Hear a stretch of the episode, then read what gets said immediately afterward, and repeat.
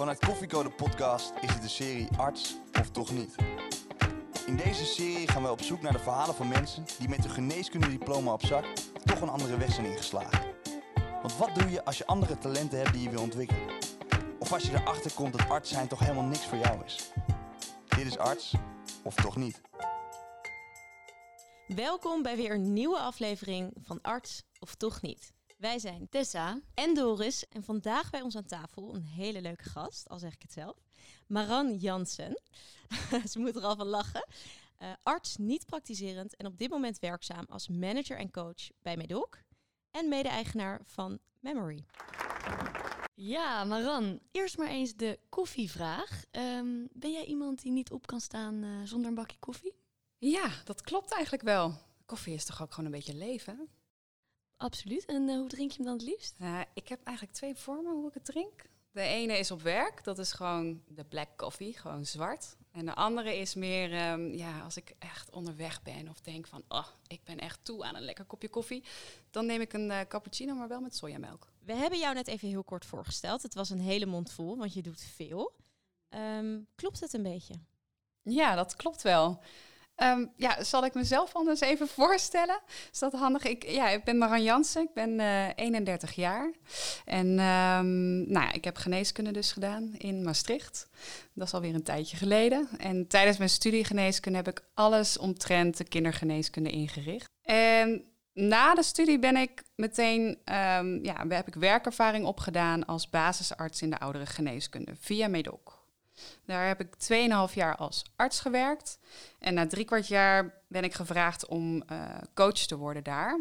Uh, nou, eigenlijk coach van collega-basisartsen. Nu ben ik geen dokter meer. En uh, houd ik me met name bezig met de ontwikkeling van de jonge dokter.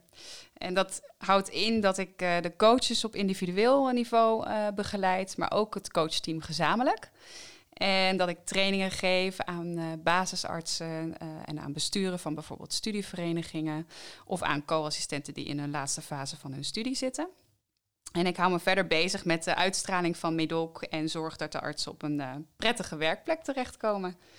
En anderhalf jaar geleden is er iets totaal anders op mijn pad terechtgekomen.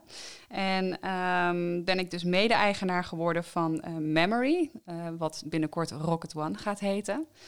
En bij uh, Rocket One, um, ja, het zit meer in de marketinghoek, uh, creëren we content voor andere bedrijven. En denk daarbij bij bijvoorbeeld aan uh, videografie, fotografie of webdesign of um, nou ja, eigenlijk alles wat met digitale design te maken heeft. En daar heb ik dus naast een bestuurlijke functie ook, ja, zorg ik voor het team daar. Want Maran, jij hebt dus de keuze gemaakt om eigenlijk, je, bent, je hebt geneeskunde gestudeerd. Hè? Ja.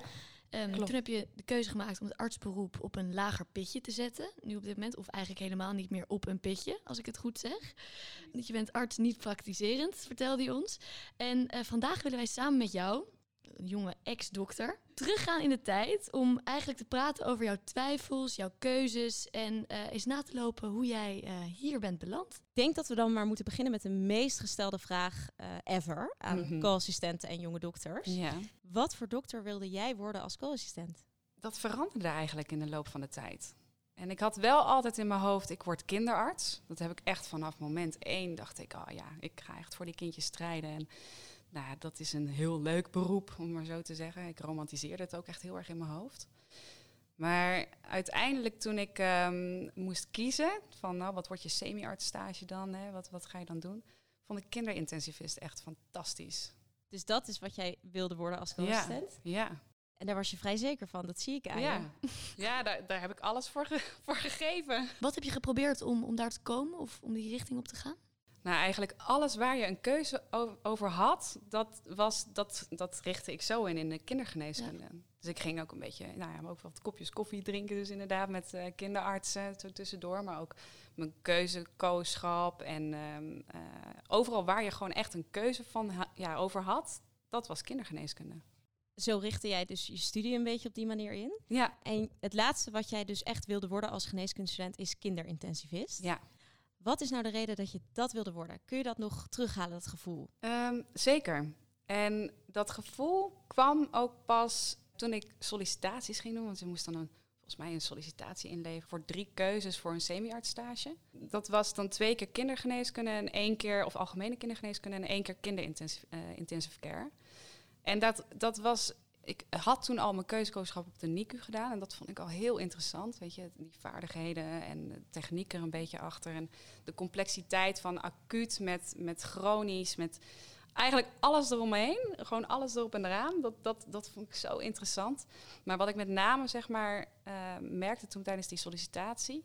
is dat die, uh, uh, die dokter, die kinderintensivist... die me toen nou ja, mm -hmm de sollicitatie zeg maar deed, die motiveerde me echt om, omdat het niet alleen algemene kindergeneeskunde is, maar ook gewoon uh, het begeleiden van de familie.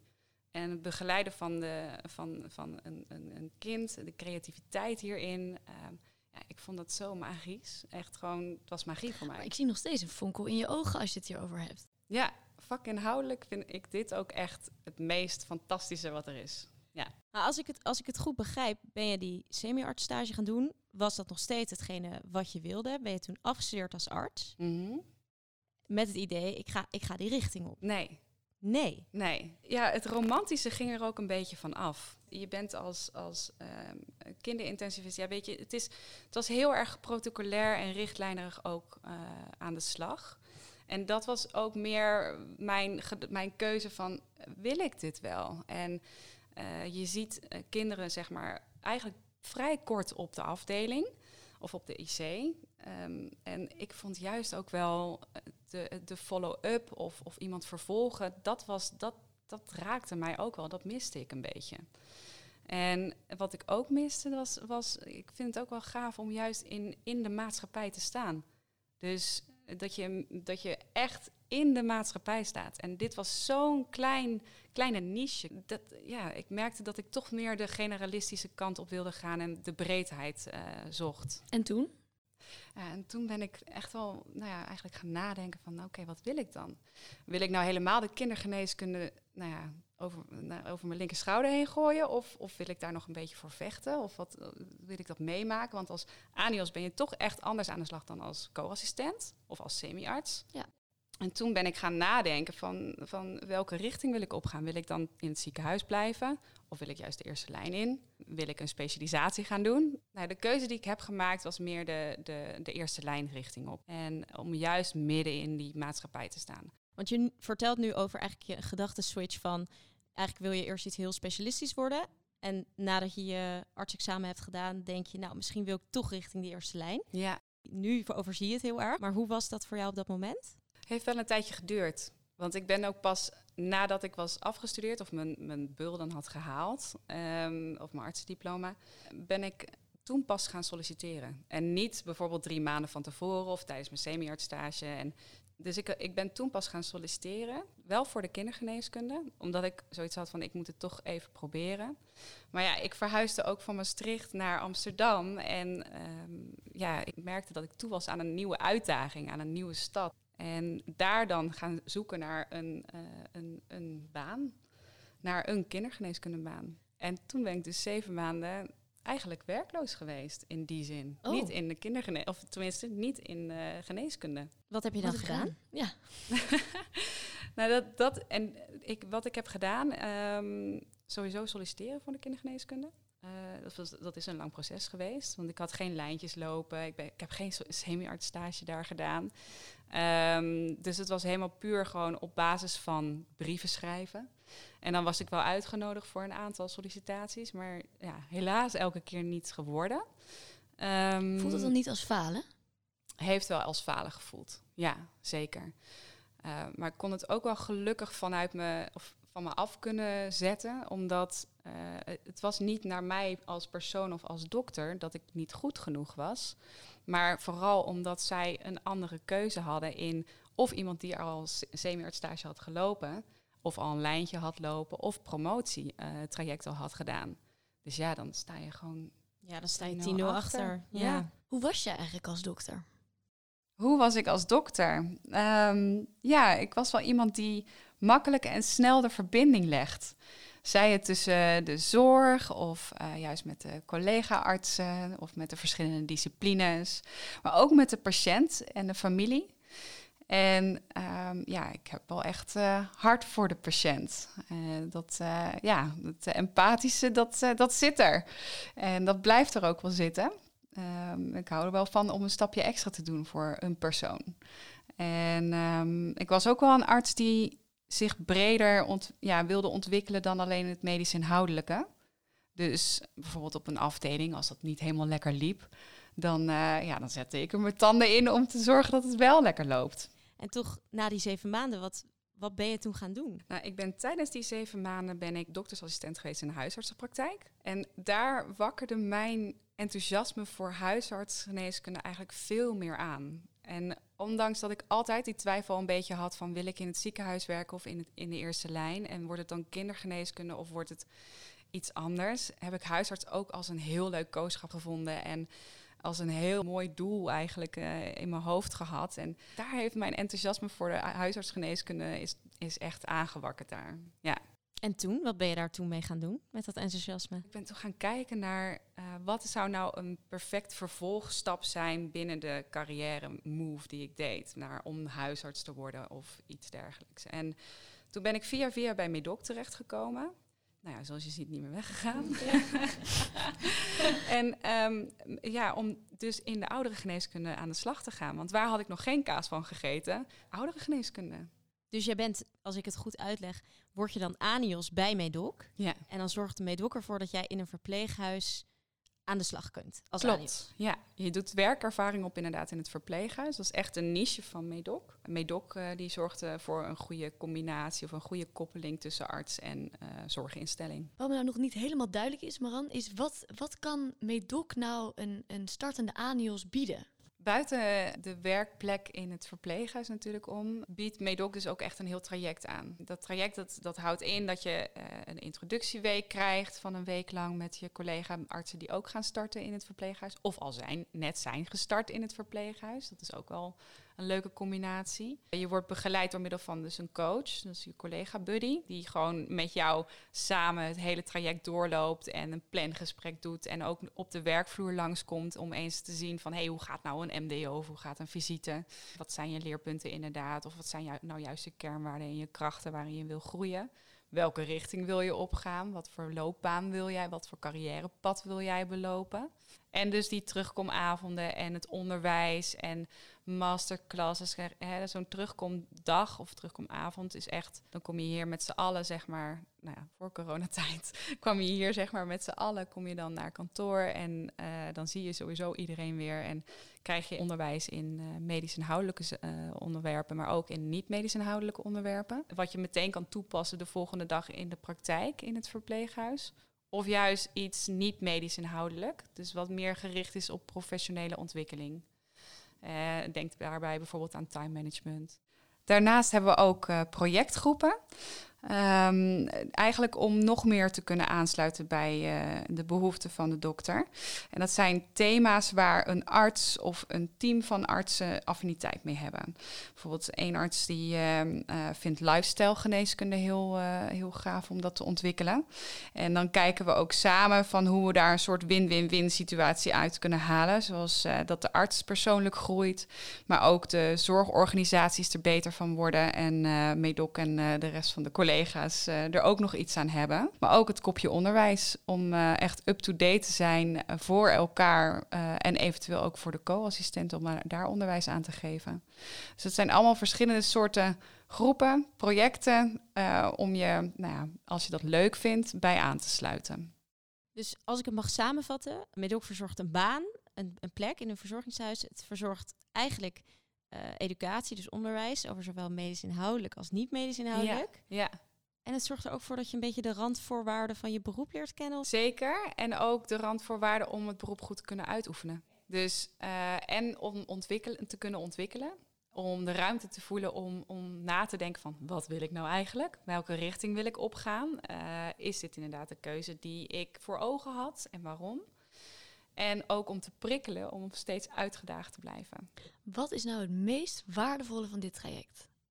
De ruimte om te kunnen ontwikkelen. En die ruimte, dat dat ook mag.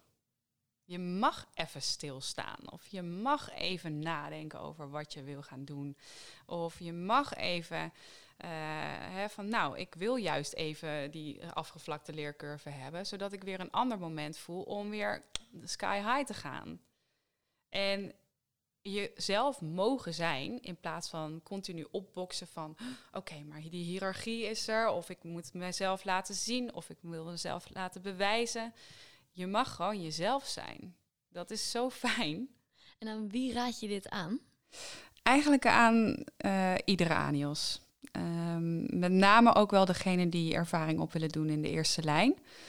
Uh, maar het is voor iedere arts waardevol om sowieso de care-kant een keer te zien uh, van een patiënt. En niet alleen maar met de cure eh, bezig te zijn. Weet je, je gaat wat meer uh, in het proactief handelen zitten en, en in plaats van het reactieve. er wordt echt een beroep gedaan op je zelfstandigheid. En het hele traject eromheen. Um, weet je, je, valt zo soms tussen wal en schip als je klaar bent met je studie en uh, je nog in je, je basisartsenperiode zit, um, zonder, zonder, begeleiding of iets. Of dat je, dat je ook echt wordt uitgedaagd om, om nieuwe stappen te zetten. Ja, dan is dit, als je daar wel behoefte aan hebt en als je zoiets hebt van ik wil echt gewoon hierin gaan ontwikkelen, dan uh, is dit zeker iets voor jou.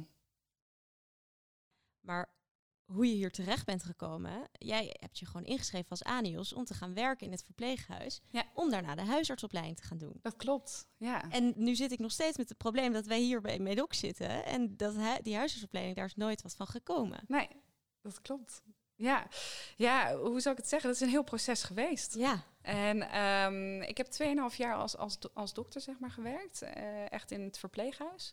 En waarom eigenlijk geen huisarts meer? Ja, dat, dat proces um, uh, ging eigenlijk best wel organisch bij mij. Ik ben na drie kwart jaar ben ik een van de coaches geworden bij Medoc. Ja, om, om zo goed mogelijk de behoeften van de arts naar boven te halen. En daar dat het hele bedrijf Medoc daaromheen aan het, aan het ontwikkelen was. Mm. Dus meedenken in het bedrijf. En toen dacht ik, dat is echt heel erg leuk. Dit is, hier krijg ik zoveel energie van. Dit is, dit is zo gaaf om andere mensen te helpen groeien. Andere artsen, je team eigenlijk ook te zien groeien. Dat vond ik zo interessant. Eigenlijk waren, waren mijn artsen die ik zeg maar begeleide of die ik coachte, waren mijn patiënten. Zo zag ik het ook. En, en dat, dat, dus, dus dat, dat, dat gaf mij echt zoveel energie. En, en, toen ben ik ook veel meer gaan kijken ook van... hey, ik vind het eigenlijk ook wel heel gaaf... want ik heb altijd in mijn achterhoofd gehad van... als ik huisarts word, dan wil ik een eigen onderneming. Dus dan wil ik een eigen huisartspraktijk. Omdat alleen geneeskunde heb ik nooit in mijn hoofd gehad. Dus ik had altijd wel iets van... Uh, het lijkt me leuk om iets van consultancy-achtig er, erbij te, ernaast te doen... of echt de, eh, de ondernemende kant ernaast te gaan... Uh, de, erbij te pakken. En... Um, en dat kon ik in één keer gaan doen. Dus ik kon meedenken in het bedrijf. Waar, waar kan dat nou als dokter? In alle eerlijkheid, Maran, kijk, als je kinderintensivist was geworden, was de kans natuurlijk heel klein geweest dat je ook maar enigszins tijd over had gehad om, nou ja, een van die dingen die je net noemt, erbij te doen. Ja, wat ik heel fijn vind hieraan is, weet je, de sky is the limit.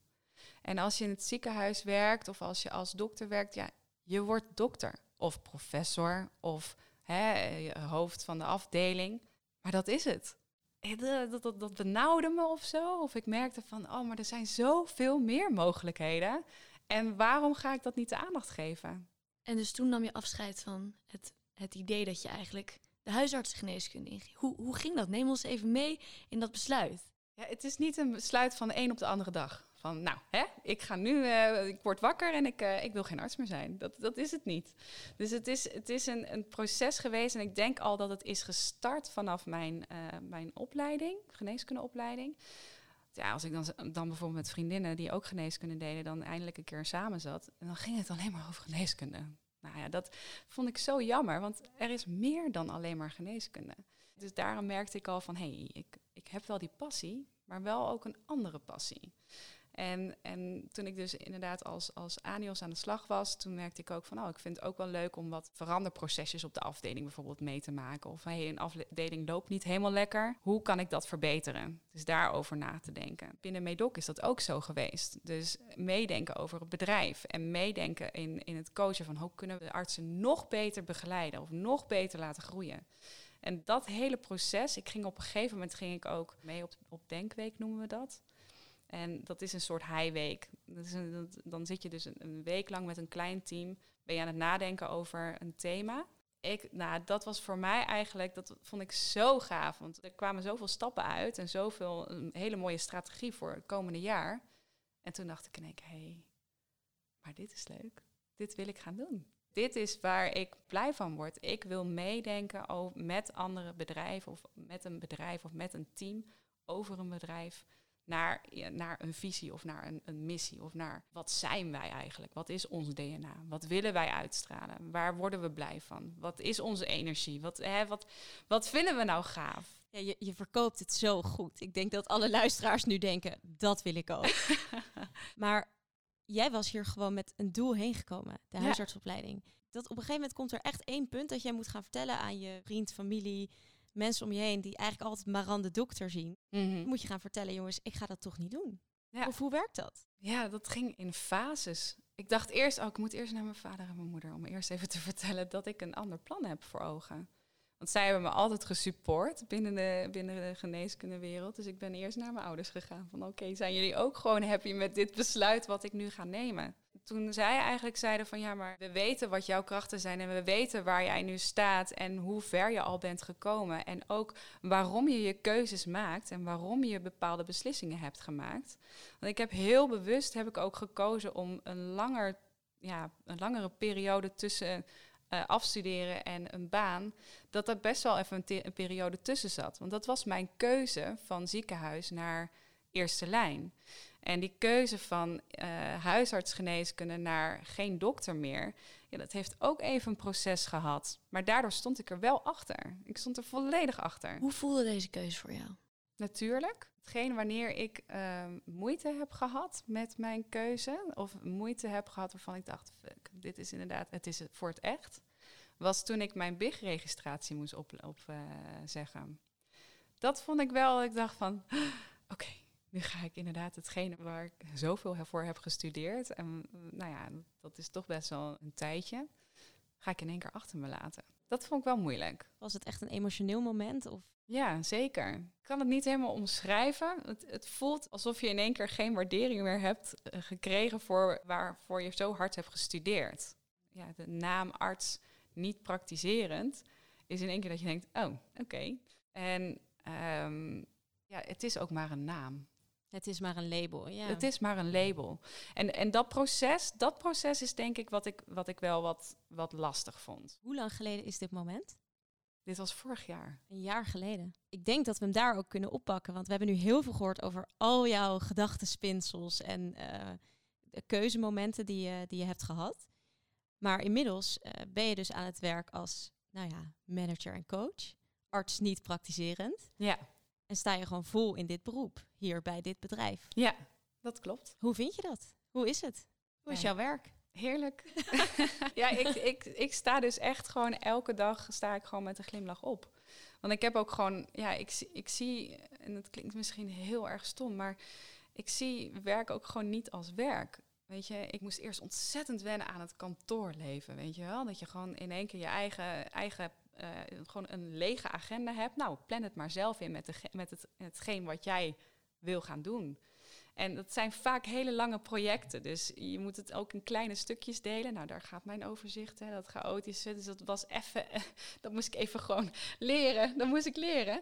En, um, ja, dat, en dat gaat nu heel, heel super. En, en ik heb mijn dagen zien er gewoon heel gevarieerd uit. Uh, sowieso ben ik uh, 2,5 dag ongeveer bezig met alle werkzaamheden rondom Medoc. Hou ik me denk ik een halve dag bezig in de week met Rocket One. En ehm, sinds kort, eh, dat is ook wel eh, leuk om te vertellen, dat ben ik eigenlijk helemaal vergeten te vertellen, maar vlieg ik in twee dagen in de week als uh, interim manager in een zorgorganisatie, waarbij ik ook wat projecten begeleid. En daar pas ik eigenlijk hetgeen wat ik allemaal heb geleerd in de afgelopen jaren, um, pas ik allemaal toe binnen deze zorgorganisatie. En daar komt eigenlijk mijn voorliefde voor uh, verandertrajecten meer naar boven. Want wat ik dan precies toepas is uh, um, het eigenlijk kleine verandertrajecten in gang zetten. En dan zie je in één keer wat het verschil is tussen een grote zorgorganisatie en uh, een kleinere organisatie. Want ja, weet je, bij een kleine organisatie, als je daar iets wil veranderen, dan Ehm, bij wijze van spreken is het gisteren al gebeurd. En bij zo'n grote zorgorganisatie, dan zit je in een soort, um, ja, een hele grote, heel groot schip. Waarbij je blij mag zijn als je 1 millimeter naar rechts kan uh, na een periode. Dus dat is um, een andere manier van denken. En dat, is, dat maakt het ook heel leerzaam. Dus mijn week is nooit saai. het is echt heel erg uh, gevarieerd, uh, vol. En het heeft met uh, een grote organisatie te maken, met kleine organisatie. je bent continu draagvlak aan het creëren in het bedrijf. En um, ja, ik, ik leer elke dag weer wat bij.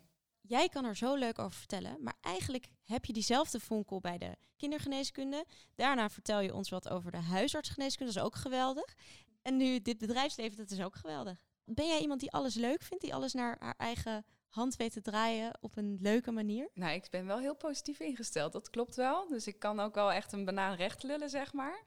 Maar um, ook al, al zou ik arts zijn gebleven, dan had ik het daar ook ontzettend leuk gehad. Dus het is niet uit onkunde of uit onwil of iets dergelijks dat ik, dat ik dat niet meer ben gaan doen. Maar er kwam iets leukers op mijn pad. Ja. En iets waar ik nog meer energie van krijg. Nog meer. Nog meer. ja, het is bijna niet te geloven. Nee, dan, dan, dan, uh, ja, dan, dan nou ja, kinderintensivist of huisarts. Nou ja, noem maar op. Dat positieve, dat, dat voelen wij hier in de Kamer. Ik denk ook onze luisteraars dat zij dat ook voelen. Maar we moeten het natuurlijk ook een reëel beeld schetsen van wat jij nu doet. Zijn er ook nadelen aan dit, kan, deze kantoorbaan, deze coachingsbaan die jij nu hebt? Um, het, het, is een kantoorbaan, laat ik het zo zeggen. Nou, hebben jullie denk ik ook wel gezien, dit is niet een normaal kantoor, om maar zo te zeggen. Maar je zit wel inderdaad achter de computer veel.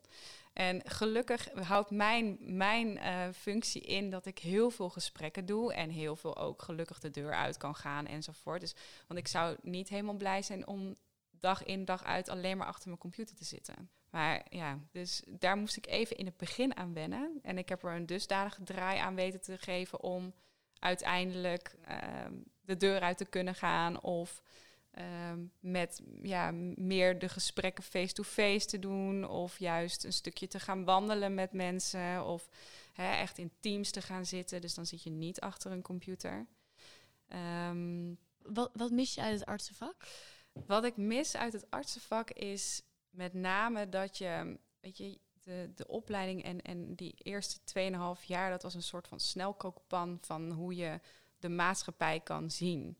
Je, hebt, eh, je, je ziet in één keer in hele korte tijd alle gradaties van mensen en alle milieus en alle soorten en maten, laat ik het zo zeggen. En je, je hebt als, als voorrecht, als dokter zijnde, dat je heel dicht bij mensen mag staan. Nou ja, dat, dat is heel dankbaar en dat is ook super speciaal. En dat is wel iets wat ik mis, want wil je dusdanig ver, ja, dicht bij iemand staan. En dat doe ik wel door middel van coaching en begeleiding. En nou ja, ja, teams ook wat ik begeleid. Maar echt onbekende mensen die ik gewoon zomaar even zo zie. Ja, daar kom ik niet meer zo dichtbij zoals met een dokter zijnde. Hm. Ja. Die witte jas overbrugt wel een afstand, denk ik, hè? Ja, ja uh, hoe bedoel je die? Meer van dat je dat, ja, je beschrijft dat je dichter bij mensen mag komen. Ja. Een dokter vertrouwen veel mensen direct. Klopt. Zie je dat anders in jouw beroep nu? Nee, want heel eerlijk, juist doordat ik geneeskunde heb gedaan, krijg je een soort gunning al vanuit de maatschappij. Dus je hebt al, Weet je, door, door dokter te zijn, is dat vertrouwen wat je eigenlijk al een beetje hebt. Dat, dat heb je ook in het bedrijfsleven. En ehm, de communicatieskills die ik heb geleerd, ja, dat heb ik ook in, in het bedrijfsleven nu, dat, dat pas ik toe. Maken dokters goede mensen in het bedrijfsleven? Ja. Waarom dan? Omdat dokters, je bent opge, opgegroeid of opgeleid eigenlijk om de hulpvraag naar boven te halen. En that's the key. Als een, een bedrijf, wat voor beroep je ook doet, je gaat aan de slag, maar je moet wel eerst weten waarom je aan de slag gaat voor iets. Of waarom er een opdracht binnenkomt, of waarom je uh, een, een samenwerking aangaat. En heel erg de hulpvraag naar boven halen. Dat heeft mij heel erg geholpen in het, in het bedrijfsleven waarin ik nu zit. Ook met Rocket One. Dat, dat, ja, ik ga vaak mee met gesprekken naar, naar ja, wij noemen het dan opdrachtgevers of samenwerkingspartners, om te kijken van hey, hoe kunnen we zo gaaf mogelijk de content creëren zoals we dat willen. En wat is dan het behaalde effect? En waarom wil je dit? En wat willen we dan? En gewoon dat doorvragen, dat heb ik heel erg geleerd. En dat kan je overal gebruiken. En wat was nou een verscholen talent wat je dan niet bij de geneeskunde tot uiting kwam, maar hier wel? Ik denk dat het met name de creativiteit is.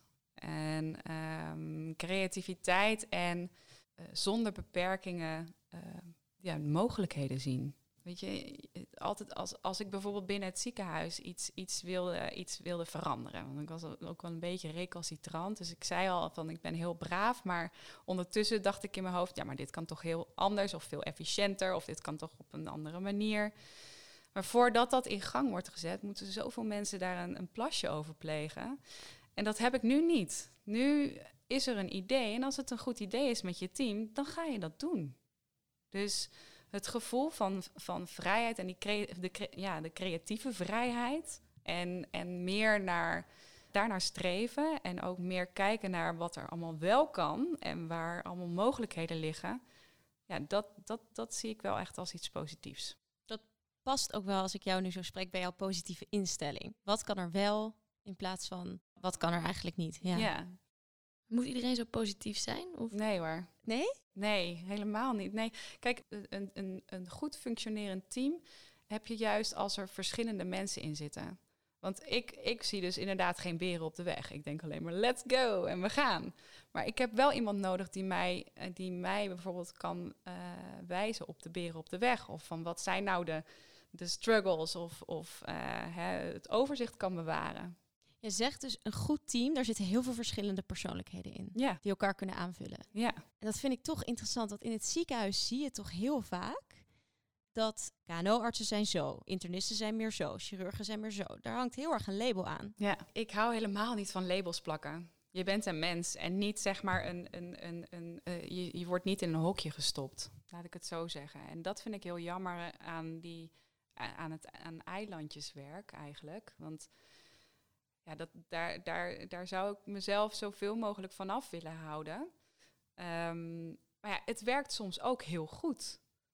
Hè, ja, dat is weer mijn positieve draai die ik eraan geef. Maar ik zie jullie ook lachen. Maar nou ja, weet je, het, het, is, het, is, het is niet een omgeving waarin ik heel erg graag uh, mijn werkzaamheden doe. Mis je het ziekenhuis aan zich? Mis, want je zegt ik mis het patiëntcontact, maar mis je wel eens de werkplek? Nee, wel een beetje het rumoer, hè? Dat, dat mis ik wel. En um, er zijn, ja, je komt zoveel verschillende mensen tegen, dus dat mis ik ook. Um, maar waarschijnlijk betere koffie hier bij Medoc, dus... Uh... Nou ja, dat zeker. Oké, nou Maran, um, we gaan hem uh, nog eventjes uh, wat, wat doorpakken. Want we hebben het nu heel veel gehad over het, het, verleden, over het heden. Maar we willen ook nog wel eventjes weten, waar zie jij nou jezelf in de toekomst? Waar ga je naartoe? Nou, wat ik heel, waar, waar ik echt, waar ik blij van word, is nu met name teams begeleiden. En ook uh, meedenken over de visie en de missie van een bedrijf. Dus hoe ik de toekomst zie. Ik hoop ten eerste dat ik altijd groen blijf om te blijven leren. En waar ik me met name ook zie, kijk, wat ik nu met Memory doe, dat, ja, daar heb ik een bestuurlijke functie. En als mede-eigenaar ben je gewoon heel erg aan het nadenken, aan het meedenken over waar willen we naartoe met het bedrijf. En hoe kunnen we het team daar zo goed mogelijk voor voor inzetten, maar ook, ook begeleiden daarin en laten groeien. En dat lijkt me heel gaaf om dat nog met meerdere bedrijven te gaan doen. Dus meerdere start-ups. Dus eigenlijk om, om start-ups te laten groeien. Voel jij je eigenlijk nog arts? Soms. Ja, ik merk dat ik twijfel. En de twijfel is, eh, zeg maar, als toen, nou als heel groot, groot voorbeeld, hè, ten tijde van corona, laat ik het zo zeggen. Toen merkte ik in één keer van, wow, ik zet in één keer mijn harnas aan en ik ga ervoor en we gaan strijden om de mensheid te redden en weet ik wat allemaal. Dat was ook het punt wat, ja, wat, hè, waar je als romantiseert persoon uh, dokterschap zeg maar ging doen. Of tenminste, dat was voor mij in ieder geval de reden wat ik wilde doen. Ik wilde mensen, mensenlevens redden en ik wilde mensen redden. Ik wilde helpen. Nou ja, dan merk ik het wel. Maar op dit moment voel ik mij geen arts meer. Alleen dat ik er wel verstand van heb. Of tenminste, ik weet hoe het gaat. En ik weet wat het reilen en zeilen is daarin. Dat is leuk dat je dit zegt. Want wij hebben een verrassing voor jou. Dat is uh, een heel leuk item. Speciaal voor deze serie Arts of Toch Niet. Oké, ik ben benieuwd. En dat heet Hoe medisch ben jij nog? Dus we hebben een, uh, een vraag voor jou. Een medische vraag. En dan gaan we kijken hoe, hoe je hem beantwoordt. Oh jee. Want dat zou ook nog wel eens gebeuren, of niet, Maran? Dat er mensen op je afkomen en vragen: Nou, ik heb toch nu zo hard meteen gestoten, wat moet ik doen? Ja. Of niet? Nou, dat wordt wel minder hoor. Ja? Oké, nou spannend. Kom maar op. Oké, nou, Tess, uh, wil jij hem aftrappen? Eens even kijken. Um, Misschien is het te makkelijk, maar als je hem dan nu fout hebt, dan is het helemaal uh, schade en schande. no pressure, no pressure. Um, Oké, okay, eens even kijken. Um, waar hoor je het beste de aortaklep bij auscultatie? Oh jeetje.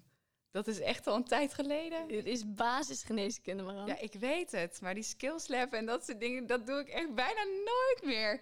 Oh god, de aortaklep. Zie, zo medisch ben ik gewoon niet meer ik het nu zo zie. Oké, wat had je ook alweer? Tweede intercostaalruimte links. Oh, ah, bijna, goed. bijna goed. Tweede intercostaalruimte rechts. Ah. Nou, dan doen we er gewoon nog één, want deze ging even, hè, je moest even inkomen. Um, wat is de sterkste spier in ons lichaam? Tong. Kijk eens aan. ja, heel goed. En sterkste bot, weet je dat ook? Uh, femur? Nee. Dat denken veel mensen. Wij hebben hem in ons team ook even in de groep gegooid. En dan kregen we dit antwoord ook.